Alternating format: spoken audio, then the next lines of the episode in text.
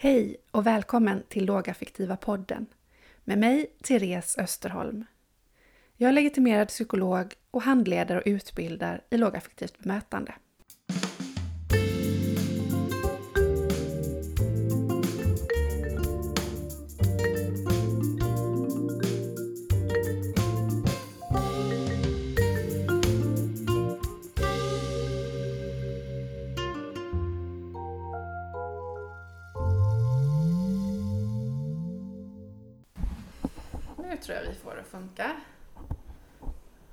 Nu så har jag satt på räck. Okej, spelar vi. Mm. Välkomna till höstens första avsnitt av Lågaffektiva podden. Och den spelas in i början av juni och faktiskt hemma i mitt kök. Och här sitter jag med två riktiga S vad det gäller autism och tydliggörande pedagogik och lågaffektivt bemötande. Therese och Kristina, välkomna. Tack Tack så mycket. så mycket. Tack. Mm, och ni ska få presentera er själva, vad ni eh, jobbar med och var i Sverige ni finns. Så varsågoda. Ja, ska jag börja? Mm. Eh, Therese Waldenborg heter jag. Jag jobbar ju just nu i mitt egna företag först och främst med utbildning och handledning ehm, inom neuropsykiatri. Ganska ofta lågaffektivt bemötande men också en del om, om själva grunden med hur man gör tillvaron begriplig ehm, för den här målgruppen. Jag bor nere i Trelleborg. Men eh, jag har uppdrag i hela Sverige. Mm. Så var jag jobbar är, det är lite oklart. Ofta på tåg, skulle jag vilja säga. På SJ. Det är livet som konsult. Ja, Mm. det är det. Mm. Och jag heter Kristina, Kristina Dahl. Eh, Jag eh, jobbar, har jobbat på habiliteringen i Skaraborg i många, många år, säkert 25, som pedagog. Ehm, Men sen fyra år tillbaka så jobbar jag i egen regi, ett företag med handledning och utbildning. Ehm, jag jobbar mycket med personalgrupper som är nybörjare känner jag. Just för tillfället har jag mycket nybörjargrupper där begreppen, tydliggörande pedagogik, lågaffektivt bemötande, är lite nya ord. Så det, jag jobbar väldigt i grunden och som är kul. Men sen har jag också några andra uppdrag till exempel hos Trafikverket och polisen. Och, så man, just den här mixen utav olika uppdrag är spännande och kul tycker jag. Mm. Ehm, Det låter spännande med. Trafikverket och polisen Ja. också. Mm. Det kan jag berätta mer om sen. Ja, absolut. Ni jobbar båda via Utbildningscenter Autism. Mm. Eh, vad är det för någonting och vilka riktar det sig till då? Utbildningscenter Autism är ett utbildningsbolag som ägs utav Autism Aspergerförbundet. Autism och Aspergerförbundet är en brukarförening. Ehm, Och jag kan bli så eh, fascinerad och stolt över att vi jobbar, att en brukarförening har ett så stort utbildningsbolag Mm. och som har varit under årens lopp så, alltså utbildat så mycket personal. Mm. Och som har tryckt på just det här autismspecifika kunskapen. Mm. De riktar sig ju till personalgrupper som jobbar med personer med autismspektrum. Men det vet vi ju att man har ju oftast fler diagnoser än autismspektrum. Men det är ju det man har specialiserat sig på, Mm. kan man säga. Mm. Och då, många olika sorters personalgrupper. Alla, alla typer av verksamheter. Alltså personal i alla typer av verksamheter där personer med autism kan befinna sig. Mm. Precis. Kan man väl säga. Både barn, barn och vuxna, Mm. eh, skola, boende, Mm. Daglig verksamhet, mm. assistans. assistans, Mm. eller var man nu befinner sig någonstans. Mm. Och de har ju också lite nu eh, tagit på sig lite grann det här uppdraget att utbilda även andra yrkeskategorier. Du Mm. nämnde polisen, det finns Mm. också det här uppdraget vi har att eh, vända oss till myndigheter Mm. eh, som också kan behöva någon sorts baskunskap för att möta Mm. målgruppen. Det har ju varit deras fokus nu den här våren och kommer att vara detta året tänker jag, att Mm. rikta sig till socialtjänsten, Försäkringskassan, Arbetsförmedlingen, kriminalvården, akutsjukvård, Mm, vårdcentraler. vårdcentraler. Mm. Som ju naturligtvis är en grupp som träffar våra personer också. Ja, självklart. Ja, precis. Och i, och i tider av när det inte är så lätt, tänker jag, när det är lite kris och när man inte Mm. får ihop det och när det verkligen behövs den här Mm. autismkompetensen. Mm. Mm. Och det är verkligen häftigt att det kommer från liksom, ja, personerna själva. Ja, precis. Ja, precis. Det blir en extra styrka. När jag sa brukarorganisation så Mm. är det ju faktiskt inte det utan det är ju, från början var det en familj, alltså utgick ju från familjerna. Eller hur? Visst var det Mm. så? Eh, naturligtvis brukare också men jag vet att de, det var ju, jag tror det hette Föreningen för psykotiska barn från allra, allra första början. Mm. Nu vet jag inte vad vi är i tiden men Ja, och sen har man ju bytt bytt namn. bytt namn, Tack tack och lov. Precis. Men från början riktade man ju sig, var det ju familje, Ja, lite riktat till... Eh, familjer och sen har det ju vuxit så mycket. Mm. Men det är ju i första hand alltså personerna själva som, mm. som är en viktig del som sitter i styrelsen och så. Absolut. Och ni arbetar ju både med personer som möter autister och autister själva. Mm. Till exempel så har ni de här utbildningsdagarna som jag är lite nyfiken på och som ni skulle kunna få berätta lite grann mera om. Mm. Vad är det för någonting, de här utbildningsdagarna om autism och vad håller man hus och hur kan man få vara med där och vad händer? Mm. Många frågor. Ja. Mm. ja, men det, det, är ju, det är ju en häftig, eh, en häftig typ av utbildning, Mm. tycker jag. Eh, det finns ju då en, en kursgård uppe i Värmland, strax utanför Sunne. Väldigt vackert. Eh, där det då pågår några veckor om året veckoutbildningar. I tydliggörande pedagogik heter det ju inte. Nej, utan det pedagogiskt heter arbetssätt. ett pedagogiskt arbetssätt eh, anpassat till Personer med autismspektrum. precis. Eh, och där, det är ju också någonting som har liksom funnits ganska länge och har Mm. en historik. Det kommer ju ifrån Teach-programmet i USA. Det var ju så att den här föreningen en gång i tiden, eh, jag är inte hundra på man hade, hur man fick reda på det, men att man visste att i, i North Carolina så jobbar man med någonting som heter Teach-programmet. Så man åkte dit, flera stycken ifrån föreningen och skaffade sig mer kunskap och satte sig in i vad det, vad det innebar att jobba enligt Teach-programmet. Och kände att det här är någonting som vi vill ta hem till Sverige. Så man gjorde det och utbildade personer i Sverige med stöd utav amerikanska team under många, många år. Ehm, Och sen har ju vi anpassat det naturligtvis till hur svenska förhållanden, till hur svenska skolor, daglig verksamhet, mm, boenden eller vad man nu är, hur det ser ut här. Ehm, Och det som är det specifika tänker jag, det är ju att vi har förmånen att ha med personer med autism på våra utbildningar och jobbar tillsammans med dem. Precis. Så vi åker dit, vi som, som lärarteamet åker dit två dagar innan, eller ja, vi åker dit eh, lördag. Och då har vi fått, eller bestämt i teamet vilka personer vi tänker ska vara med. Vi har en kursansvarig där uppe, Janne Israelsson, som har ett fantastiskt kontaktnät i Värmland. Mm. Ehm, som ehm, tillsammans med föräldrar och personal och personerna själva bestämmer att de här personerna ska vara med på vår utbildning. Och vi har med personer på olika utvecklingsnivå. Och eh, vi får information ifrån personal och föräldrar som de har fyllt i innan och utifrån det så sätter vi oss ner och, funderar och tänker hur ska vi göra den här miljön så tydligt som möjligt så att man förstår vad man ska göra och när och var och hur och allt det där. Så det jobbar vi med två dagar. Mm. Att bygga upp miljön, göra anpassningar, utveckla hjälpmedel så att man förstår vad man ska göra och när man ska göra det och på vilket sätt och med Mm. vem och allt det där.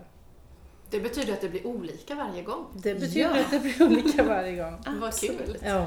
Alltså jag tänker även för, för er som ledare så att det blir en Ja, stor alltså det är, variation. ju, det är ju ett fantastiskt utvecklande, superroligt Mm. uppdrag. Eh, alltså hela veckan verkligen. Men Ja. det är ju häftigt, man kommer dit, man har någon sorts ifyllt formulär bara, eh, som man utgår ifrån, med eh, information. Och sen så att börja då bara från scratch, flyttar undan alla möbler, hur bygger vi upp där, hur använder vi rummen? Eh, och alla moment, liksom. Mm. Hur tydliggör vi det? Och vilka personer tänker vi skulle kunna att det känns meningsfullt att man gör saker tillsammans med och vilka Ja. har svårt att inte göra det. Hur tänker vi vart man, vilket, vilken hörna eller vilket rum man har. Mm. De här tänker vi att kan göra saker ihop. Och vi har ju olika teman varje dag. Den första dagen, kursdeltagarna kommer då på måndagen, de brukar vara 24 stycken. Vilka är det som är kursdeltagare? Bara för att flika in. Ja, det är ju personal som jobbar Ja. som personliga assistenter, som jobbar på gruppbostad, jobbar på daglig verksamhet, på skolan, på fritids, på kortis. Eh, eller Så ganska blandade grupper. Ibland kommer det personal från habiliteringen. Mm. Det har varit både psykologer och kuratorer och sjukgymnaster och pedagoger. Mm. Eh, Och från hela Sverige. Och från hela. Sverige. Och det kan komma någon förälder, det kan komma någon person som har egen diagnos också. Det har det faktiskt varit också någon gång. Mm. Ehm, ja, Ja, och så var det olika teman. Ja. Det var det det var på. Ja. jo på, på måndagen då, då kommer våra kursdeltagare och våra personer med autism kommer ju då också. Japp. Som är förberedda på lite olika sätt. Många har ju faktiskt varit med flera gånger. Ja, nu för tiden är det ju... Ja, Och det är så fantastiskt kul. Jag vet Janne kan berätta när han går ner i, i Sunne city. att det kan komma någon, det får jag vara med uppe på, på Bergsskog som kursgården heter. Det är inte min tur snart. Och de verkligen kommit med liksom lite pirr i magen som vi alla har den där Mm. måndagen. Absolut. Eh, och, men lite så här, åh vad spännande detta ska bli och vem ska, vara, vem ska, vi ska vi vara tillsammans och så här. Och även för de som har varit med några gånger Mm. så är det ju helt, miljön är ju helt ny igen Mm. eftersom vi har byggt upp den Mm. utifrån de här fyras förutsättningarna. Mm. Och det är kanske en annan lärare, ett annat lärarteam. Ja, precis. eh, Men då sitter kursdeltagarna där nere och har teori hela första dagen. Medan vi där uppe, för det är ett hus i två våningar, eh, går igenom allting. Hur funkar miljön? Har vi tänkt rätt kring det? Hur funkar de planeringarna som vi har utvecklat? Hur funkar eh, uppgifterna som vi har gjort? Förstår de? Är det rätt nivå? Alla de där sakerna tittar ju vi på då och jobbar tillsammans med personerna.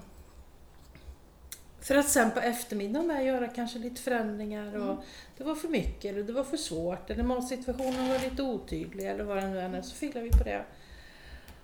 Och sen är det då från tisdag, onsdag, torsdag, fredag så har vi vi jobbar med vardagsfärdigheter, vi jobbar med social kommunikation, vi jobbar med fritid, sociala färdigheter och vi jobbar med bedömningar och kartläggningar. Alltså i alla dagarna så, Mm. så är det som en röd tråd. Så på tisdagen där då eh, så kör ju det upplägget igång. Eh, och för de som går kursen så är det ju så att dagarna består av eh, föreläsningar, kortare föreläsningar. Och sen så får man helt enkelt ta lilla trappan upp till personerna och observera. Och så får man prova Mm. själv. Mm. Eh, och så i vissa moment får man eh, kanske till och med prova, göra om och prova en Mm. gång till och lite så. Eh, och så avslutas det med liksom diskussioner kring hur blev det där och hur gick det och varför tror vi att det gick så. Mm. Personerna är med mellan 10 och 2 varje dag, så då är det ju väldigt mycket aktivitet där uppe. Dagens föreläsning handlar ju om dagens tema, Mm. så jobbar man med det. Och sen på eftermiddagen så är det precis det du sa. När de har åkt hem så är det mer tid för reflektion och ehm, diskussion. Mm. Det känns ju rätt, tänker jag, omhändertagande Jag tänker att åka dit och man är nervös och det är pirrigt och, så, och veta också detta att det kommer att bli lite fel.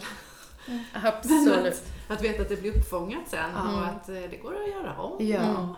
Mm. Och Och det är ju någonting- ingår. Precis, och det är ju någonting vi trycker väldigt mycket Ja. på. Mm. Eh, alltså att liksom, när det inte blir som man har tänkt sig, det är ju inte att det har blivit fel utan det är ju att man har lärt sig någonting. Liksom. Ehm, och det är, ju, det är ju nästan aldrig så när man tar fram något att det bara blir klockrent direkt. Man måste ju titta och justera. Mm. För det går ju inte heller att krypa in i någon annans huvud. Liksom. Man Nej. får ju göra en bedömning, ha en hypotes Ja. eh, och prova. Men sen får man, måste man vara beredd Mm. att Och det om. tänker jag faktiskt är lite styrkan i det här, att vi inte tänker rätt och fel utan vi tänker hmm, så tänkte han. Hmm, så tänkte hon. Mm. Hur blir det här nu då? Mm. Och det är ju kanske också ett sätt som funkar som personen tänkte.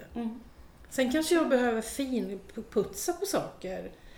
Eh, Men det tycker jag är en av styrkorna, att vi utgår ifrån personens förmågor och vad de kan och hur de, hur de ser på det. Mm. Det är klart, ska jag lära någon att brygga kaffe så är det bra om man kanske häller vattnet där det ska och, Mm. och måtten där det ska och sådär va. Mm.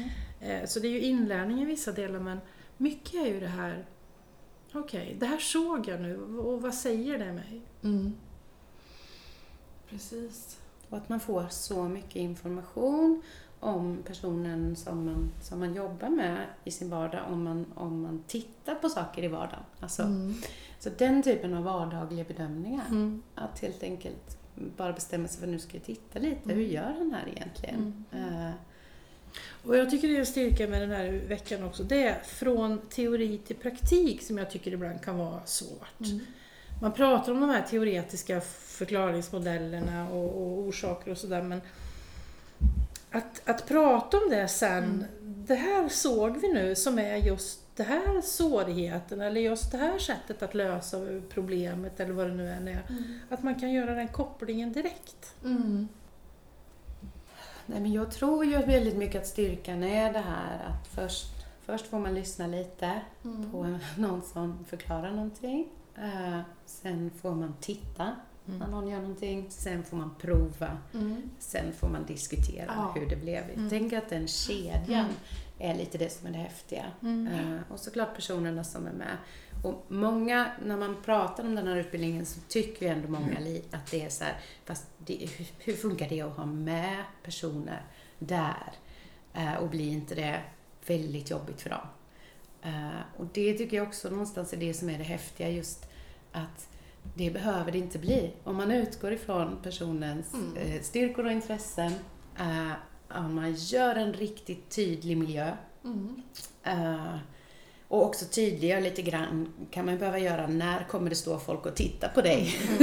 Förstås. Ja. Eh, och när kommer det inte göra det? Mm. Eh, så är ju min erfarenhet att det nästan aldrig blir bekymmer och väldigt ofta blir väldigt positivt Mm. för personerna själva. Mm. Och just att det är många som vill komma tillbaka. Ja, det är en... Mm. Och det är också en stolthet i det att få vara, Mm. jag, är, jag är lärare här. Mm. Liksom.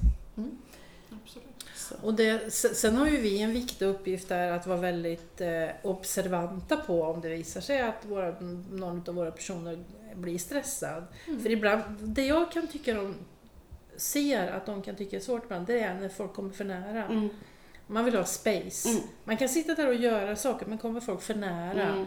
Såklart. så kan det bli jobbigt. Att Mm. vi håller oss på avstånd, vi är tysta. Mm. Alltså vi kan vara kanske eh, 35 personer där uppe och det kan vara knäpptyst. Mm.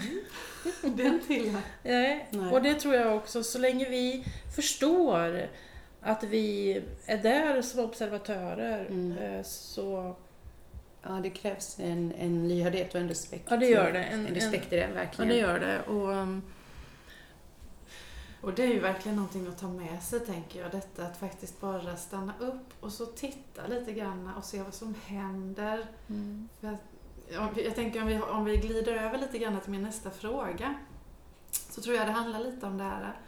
Eh, jag tänker på begreppen tydliggörande pedagogik och lågaffektivt bemötande. Det det tror jag att ingen inte är bekant med att det är hjälpsamt och verksamt Mm. i eh, autismverksamheter. Eh, ändå så är det svårt. Jag tänker att det är det enkla som är det Mm. svåra. Visst, Eh, absolut. Min upplevelse, mitt exempel eh, som jag drar den här frågan ifrån, det är detta med eh, att man lätt tänker sig att det ska vara riktigt avancerade, inplastade, Mm. färdigduttade sociala berättelser. Mm. Och det ska det vara också. Mm. Men det kan lika väl vara en post-it-lapp och en Mm. penna och att jag skriver 1, 2, 3. Mm. Ja, Och så är det tydliggörande. precis. Ja. Precis. Så det enkla som blir det Mm. svåra. Så. Ja. Vad har ni för tankar om det här? Mm, men jag känner igen det så väl i mina handledningsgrupper att Mm. man inte riktigt vågar. Man kanske inte, man vill hitta den finaste bilden på internet för, istället för att bara rita någonting och, och, och prova. Vad, vad är det här? Jo, men det är en häst. Okej, det var en bil. Mm. Men ni vet, Mm. alltså det behöver inte vara så märkvärdigt. Utan det kan vara... Jag vet inte heller vad det beror på att man, man tror att det ska vara så. Man kanske lägger mer tid på själva bilden och formen och plast Mm. och ska det vara liten eller stor istället för att prova. Mm. Jag ritar en bild och så får Mm. vi se. Mm. Så tänker jag, kanske man bidrar själv lite grann till den här eh, förutfattade meningen. För när, jag tänker när jag håller utbildningar och pratar om låg, eh, lågaktivt och tydliggörande, så på mina presentationer så är det ju bilder av de här riktigt fina Mm. Sociala berättelserna och mallarna och Mm. sådär. Jag kanske skulle visa post-it-lapparna också. Ja, Det tycker jag du ska. Ja, precis. Jo, men absolut. Och vi har ju pratat om det här uppe på, på, på Bergskog också, precis det här. Vad visar vi? Mm. Vi, måste också tänka på det och ha blivit bättre på det tycker jag. Mm. Eh, att det kan vara precis vad som helst för material. Mm. Det behöver inte vara det nyaste, senaste, finaste. Nej. Utan det, det räcker. Eller det, det viktigaste är att personen förstår. Ja, precis. Alltså Inte fokuset ska inte, inte ligga designen, på formen och designen så. Mm. Eh, utan på förståelsen. Mm. Ja, Mm. absolut. Vilka fler sådana fallgropar märker ni när ni är ute och ja, handleder till exempel? Att man lätt kan falla i? Jag, jag tycker ju att, det, att den stora utmaningen ofta är att personer som kan prata, som har ett verbalt tal, eh, att behovet av tydliggörande ändå kan vara så stort. Mm. Eh, den tycker jag är lurig. Den, det, och den faller jag såklart själv i ibland också. Eh, att, att underskatta det behovet. Ja. Eh, Absolut. Och, och där tänker jag att ni som jag möter tanken om att det skulle vara kränkande Mm, med mm, bilder. Absolut. Mm. absolut. Och att man verkligen behöver trycka mer på att det kan ju faktiskt vara kränkande om vi inte använder Ja, Ja, tvärtom. absolut. Precis. Där man ska försöka ligga på sin högsta ansträngningsförmåga hela tiden Ja. för att klura ut vad är det Ja. man menar. Ja. Det är inte särskilt respektfullt. Mm. Och det motståndet är, det, det kan vara svårt att komma runt, Mm. upplever jag. Mm. Eh, och jag har eh, en vän med diagnos som också berättat att till och med eh, när hon själv berättar jag skulle behöva att ni tydliggjorde på det här sättet så är det liksom ändå, sitter det långt inne. Mm. Precis. Och då är det språket där som, Ja. alltså, som lägger sig som ett hinder i vägen. jag, Mm. jag tror det. Mm. Jag tänkte på det när jag, jag hade just en sån där föreläsning för myndighetspersoner för någon vecka sedan. Och då är det då personer som, som kanske biståndshandläggare eller handläggare eller någon på Försäkringskassan eller var man nu sitter någonstans, som möter personer just i samtalet. Och det kommer ju personer dit som, som kan prata. Men där de upplever just det här som ni säger att ja men ska jag ta fram papper och penna och hur blir det och vad konstigt och hur uppfattar personen det? Men om man då... Och, men det är ju just då de behöver det här för de är i en stressad Mm. situation. De får mycket information som de inte kan sortera och bearbeta. Så absolut, men det beror ju också på på vilket sätt vi, vi presenterar det tänker jag. Mm. För många personer själva kan ju säga Tror du inte att jag fattar eller tror du att jag är dum eller? Mm. Och då tror jag att de har en erfarenhet utav att man har blivit påprackad Mm. eller presenterat det som om man inte förstod. Mm. Det handlar också om respekt, hur man gör Mm. det. Hur man, hur man presenterar det visuella stödet.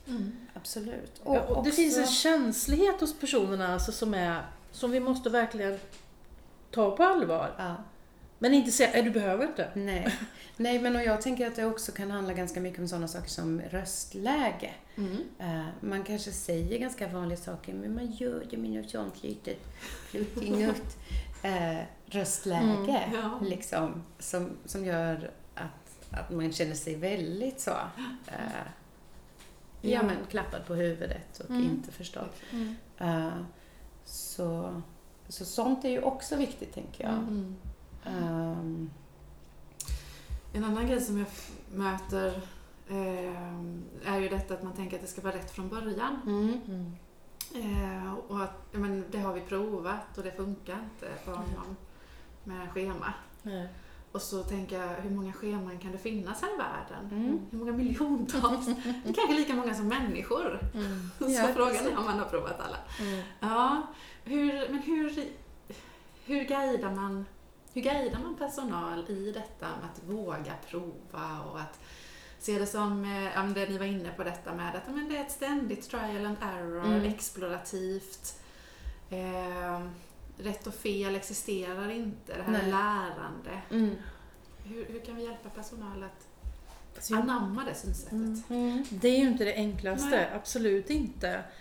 Eh, Jag försöker ha liksom ingången att vara nyfiken, att tänka nu utforskar det här, vi det här tillsammans med personen. Alltså den ingången på Mm. något vis. Mm. Och, men många personer, eller en del personal säger ja men tänk om det blir fel, då känner han att det misslyckas. Om vi säger det, Mm. nej men nu gjorde du fel Therese, så det ska du inte göra. Det är klart jag lägger misslyckandet i knät på Therese. Ja. Men om jag tänker, hmm, nu gjorde jag det här och, och Therese reagerar på det här sättet. Det var för svårt, det var för lätt, det var för, det var för stort, för eller vad det nu än är. Då får ju jag tänka. Mm. Jag får ju lägga ansvaret på mig och Mm. inte på personen. Ja. Och där tänker jag att vi måste Mm. prata mycket om att det är ju först då vi får information. När vi Mm. tänker observation, utforska, ta reda på nyfikenheten. Vem är du? Mm. Hur tänker du? Vad är du intresserad av? Mm. Vad är dina starka sidor? Jag kanske ska prova en, en, en post-it-lapp först och se hur det funkar innan jag börjar med schemat. Mm. Jag kanske ska göra det i en aktivitet som du tycker om eller en viktig information Mm. som, som du har någon användning för. Mm. Som kan förstå det. Mm. Eller vi skriver att idag klockan fyra så är det tårta till kaffet. För det är någonting som man kanske vill Mm. Jaha, wow, det var det det var idag. Eller vad det nu än är. Mm. Man kanske börjar i det lilla. Mm. Ja, för att bara komma över tröskeln och prova, det är ju det, Mm. det är ju allra svåraste steget egentligen. Mm. Om man väl tippat över så rullar det oftast på detta ju, Mm. precis som du säger, det explorativa. Mm. Men tröskeln där, och då Mm. skulle det kunna handla om Ja, omsorg om den andra, att inte ska uppleva misslyckandet. Mm. Men då handlar det om ansvarsprincipen, tänker jag, Mm. som vi tänker lågaffektivt. så. Mm. Eh, och sen skulle det kunna handla om eh, lite skämmigt att jag kanske inte, alltså jag gör fel, jag kan inte rita och jag har inte Absolut. det bästa och sådär. Mm. Och då handlar det om bara att, nej men nu sänker vi nivån Mm. helt och hållet. Mm. Mm. Men, men vi diskuterade det lite grann innan här precis att eh, när, när vi är uppe i Sunne och har de här Mm. veckorna då, då, i alla fall jag känner inte så ofta så att det är ett stort hinder där. Eh, Medan man känner det ofta i, Mm. andra typer av situationer. Så vi diskuterade just vad är det som gör att, att det inte riktigt blir så i Sunne. Men det är nog mycket att vi, det är ett väldigt tryckande på det här att vi, det är en nyfikenhet, Mm. det är inte att man gör fel utan man, man provar, observerar, man lär sig under tiden. Eh, Och man pratar om vad, för det här, ibland tänker jag att det är lite svårt för, för någon och vad är det jag ser? Alltså, Mm.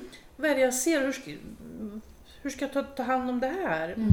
Och vi har möjlighet att plocka upp det Ja, direkt i stunden. Och Där blir det ju väva samman Ja, och det tycker jag också är fantastiskt. För så är det ju inte alltid när man Mm. träffar en, en grupp. Så är, ja, då har vi bara pratet eller det teoretiska. Mm. Men när man gör tillsammans och ser tillsammans så kan vi prata om det vi såg. Vad Mm. tänkte du nu? Vad såg du? Vad tänker vi om det här? Mm. Och så kan man ge olika alltså, Ja. perspektiv. För jag tyckte ju, precis som jag sa, använde ordet omhändertagande, att komma dit och veta att jag, när vi pratar om det på slutet sen och Mm. reflekterar och så Mm. blir det en ny dag imorgon. Ja. Jag tänker att veta om att den tiden finns Ja. att reflektera tillsammans och få lite goda råd och sådär. Mm. Det Mm. gör ju att man sänker också sin, Mm. sin tröskel. Ja. Det handlar om att våga. Så det kan tror det jag nog också. Och jag tänker där är det kanske svårare när man sen är ute i någon verksamhet. Mm. Handledningsforumen tänker jag kan fylla den funktionen. Mm. Sen är det ju kanske oftast så att men det blir det någon gång i månaden. Mm. Ja. Och då har alla hunnit glömma. Ja. Så man skulle behöva bygga in det på ja, något lite sätt. mer i vardagen, Ja. eh, i det lilla. Mm. Absolut. Konstant utvärderande. Mm. Mm. Mm. Och man skulle kunna använda filmer mer, tänker Mm. jag. Och, men det, det handlar också om att man kanske inte riktigt vågar. Som, Mm. nu ska jag jobba här med personen och hur blir det? Och man känner sig inte så bekväm. Men det är ju ett bra verktyg, tänker jag, där vi ser, det här ser vi tillsammans och vad tänker vi kring det? Mm. Eh, Vi har ju faktiskt den här veckokursen som vi kallar 3 plus 2, där man åker ut till en verksamhet. Eh, Det kan vara en gruppbostad, en daglig verksamhet eller både och. Och så har vi i princip samma upplägg, men vi jobbar tillsammans med de personerna som bor där. Mm. Men det är samma grundkoncept.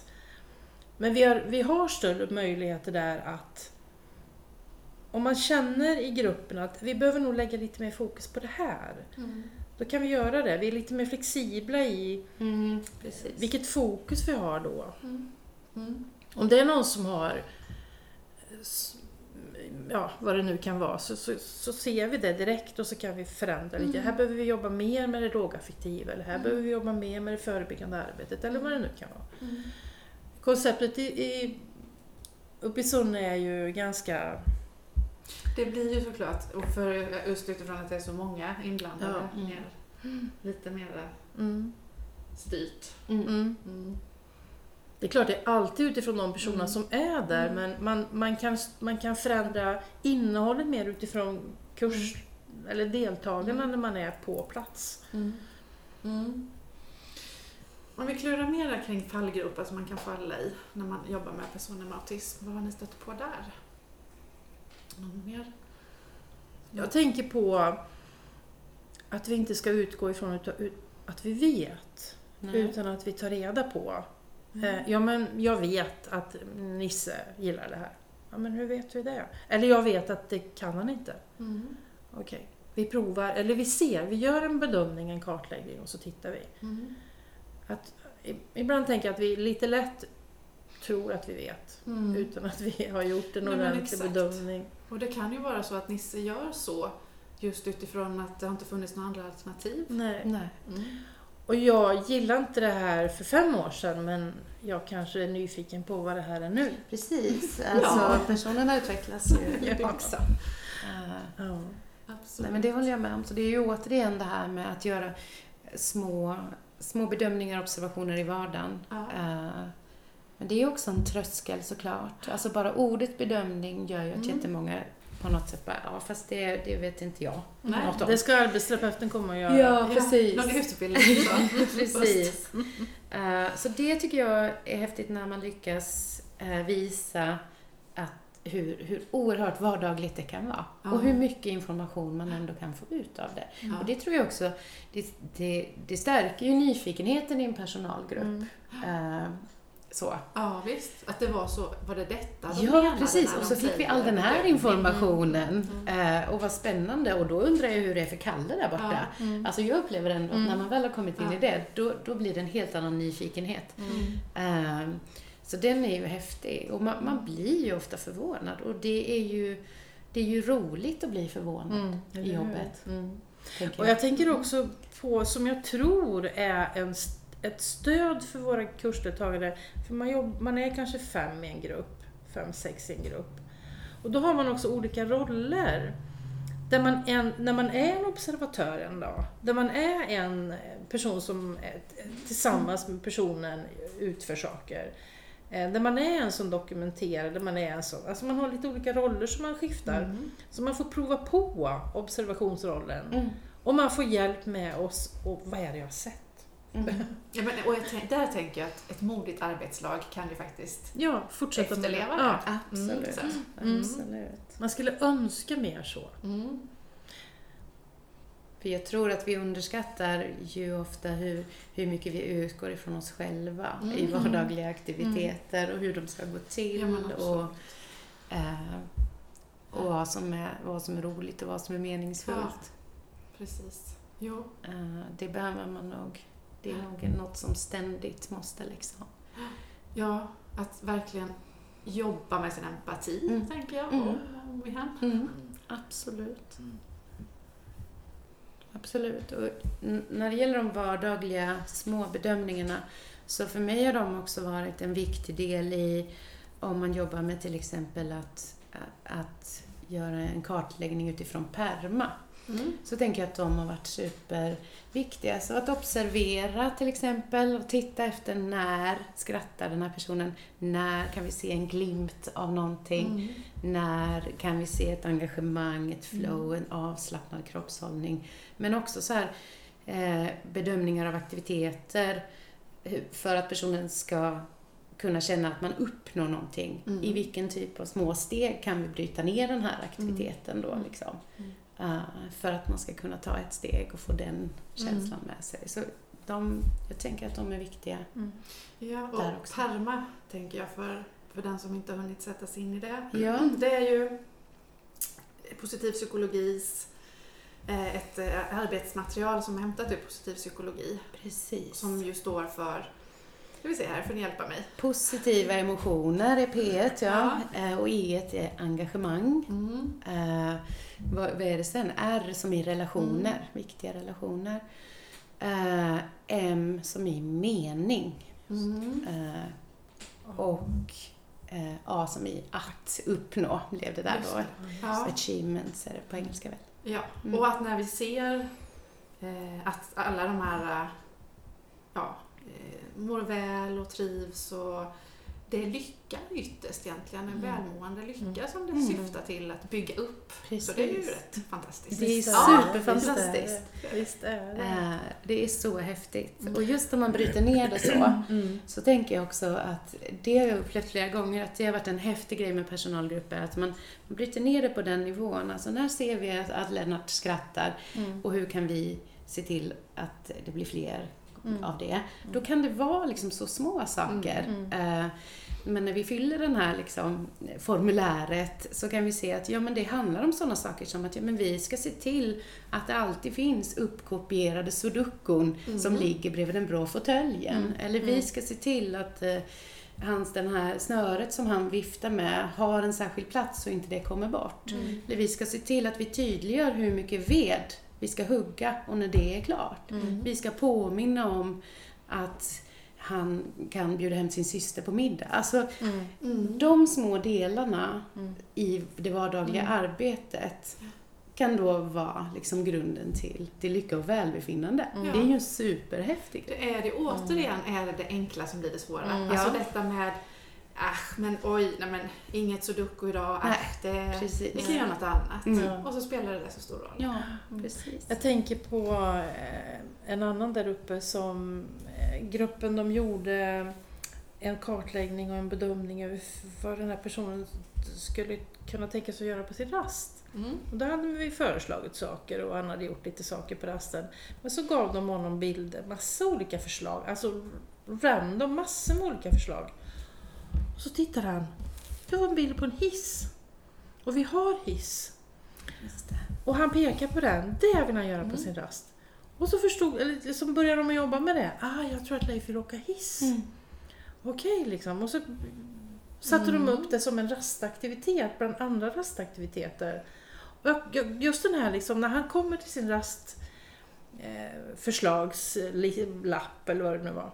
Och så liksom pekar på hissen och går iväg till hissen med den där nöjda, liksom som om vi, ja ni vet den här känslan utav nu ska jag åka hiss. Wow! och så åker han hiss två gånger upp och ner och så kommer han tillbaks. Mm. Och jag bara sådär, ni vet, det här lyckan Mm. i det lilla. Jag åkte hiss på min pappa och vad gjorde du liksom? Precis. Det är svårt att slå det. Ja, det är svårt att slå det. Mm. Och, och när man, när man upp, upplever det tillsammans med honom ja. och med en grupp. När man ser att personalen verkligen, wow, Mm. det vi är i det lilla. Mm. Det är häftigt. Ja, och där kan man ju behöva lite hjälp på vägen för jag tänker Perma är ju ett bra verktyg i det. Mm. Att faktiskt eh, ja, synliggöra, att man kan strukturera upp arbetet. Mm. Och det är de små stunderna som vi bara Mm. väver in i allt detta. Mm. Ja. Har ni andra förslag på sån här hjälp på vägen, material eller vad ska man säga? Alltså det, det beror ju lite på såklart vad det är för person man Mm. har framför sig, vad man möter. Eh, jag, jag upplever ju, jag, jag är inte på något sätt utbildad i CPS, Mm. eh, men jag har, eh, Mm. jag har varit med när en, en kollega som har utbildat sig, så jag har fått med och träna lite. Mm. Eh, och gjort det på mina barn till exempel. Mm. Eh, och då är det ju just, det är ju också en sån häftig grej, eh, det här med att så förvånad man kan bli. Mm. Att man CPS tror...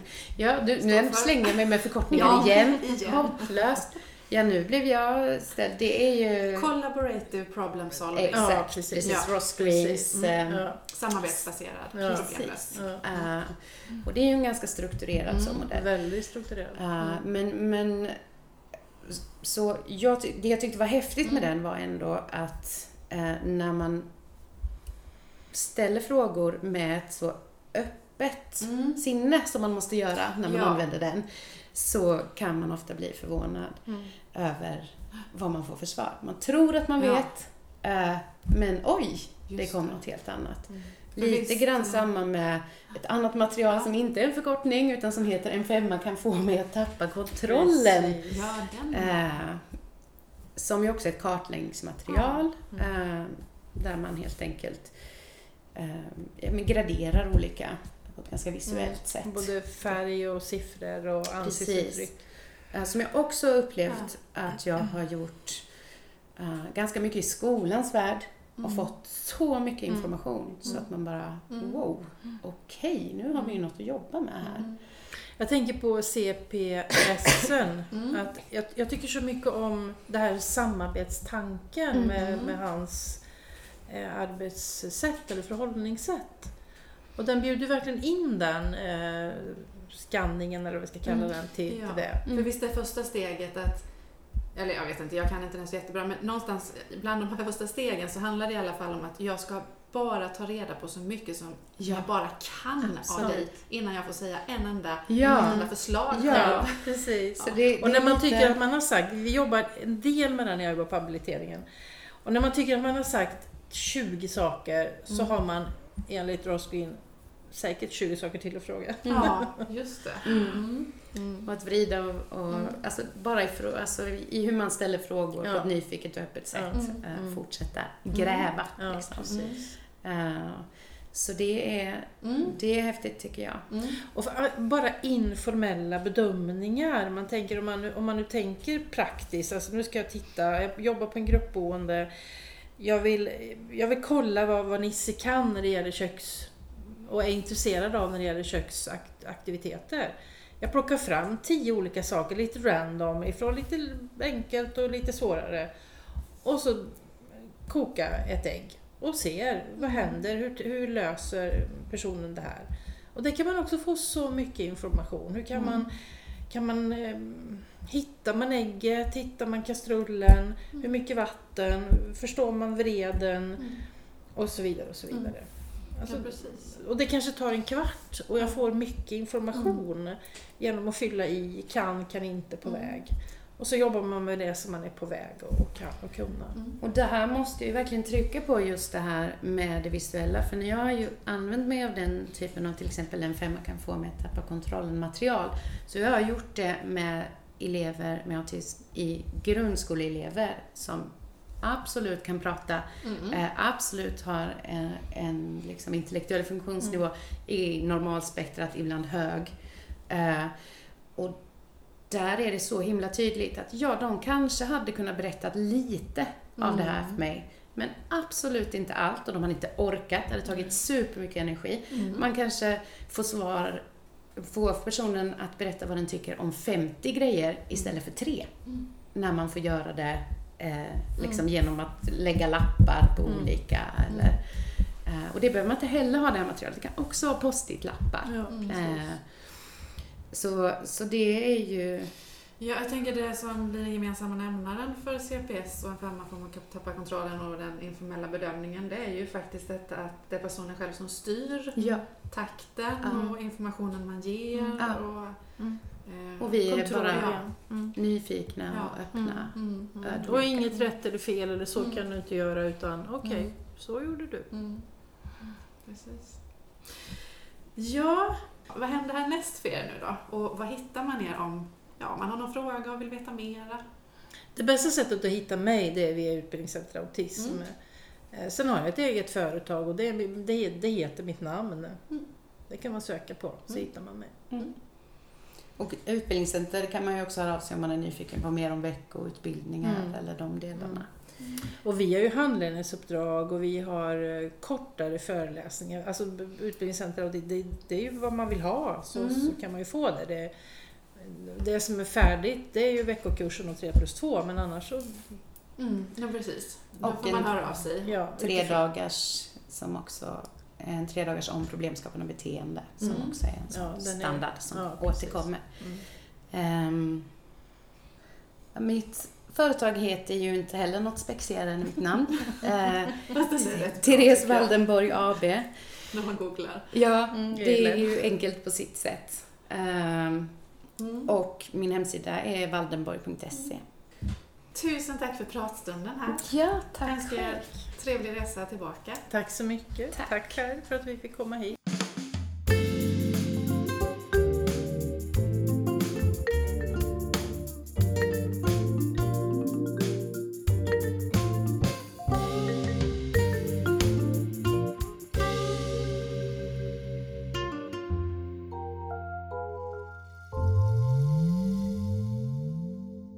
Tack att du lyssnade på Lågaffektiva podden. Följ oss gärna på Facebook. Hej så länge!